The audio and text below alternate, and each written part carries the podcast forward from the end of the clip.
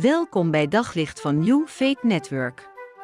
Luister elke dag naar een korte overdenking met inspiratie, bemoediging en wijsheid uit de Bijbel en laat Gods woord jouw hart en gedachten verlichten. Geloof jij in toeval? Zou toeval ook iets te maken kunnen hebben met God? En het boekje van Rut, dat werpt daar een fascinerend licht op. Het is een wonderlijk boekje waar God maar nauwelijks in op de voorgrond treedt maar op de achtergrond bezig is om, om levens te weven, om levens te leiden en, en goed te doen voor mensen in, in nood. En dan zien we daar Rut, die samen met haar schoonmoeder Naomi is teruggekeerd naar Bethlehem. En dan komen ze aan berooid. En ze hebben eten nodig. En Rut is, is weduwe en ze is jong en ze is een mooie vrouw, maar ook zeer kwetsbaar in haar armoede. En wat geregeld was in die tijd, dan konden ze op de oogstvelden, konden de arme mensen achter de maaiers aanlopen en zo wat schoven en aren dan meenemen. En ze gaat naar een van de landerijen toe en er staat er in de Bijbel, in vers 3, ze ging naar het land om aren te lezen achter de maaiers aan.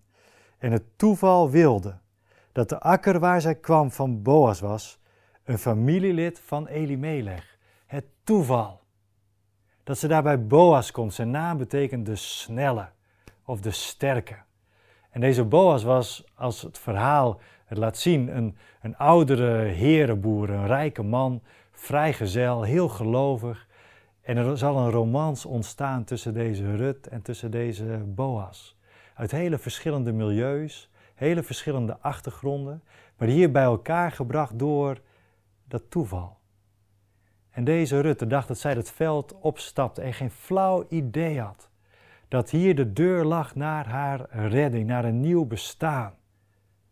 Ergens achter het toeval schuilde daar de hand van God en de schrijver van het boekje Rut wil ons laten zien dat de toevalligheden in ons leven vaak veel minder toevallig zijn dan wij denken, maar dat het ons toevalt.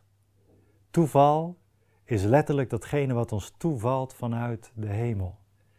En soms hebben wij dat zo nodig, dat er toevallig even iets lukt, dat toevallig de zaken op de plek vallen, dat er toevallig ergens een deur open gaat, dat vanuit ons initiatief, want dat is wat Rut deed, ze ging op pad om, om te werken en iets goed te doen en vanuit haar trouw en initiatief kon God langs zij komen met schijnbare toevalligheden, waaruit achteraf zijn leiding zou blijken.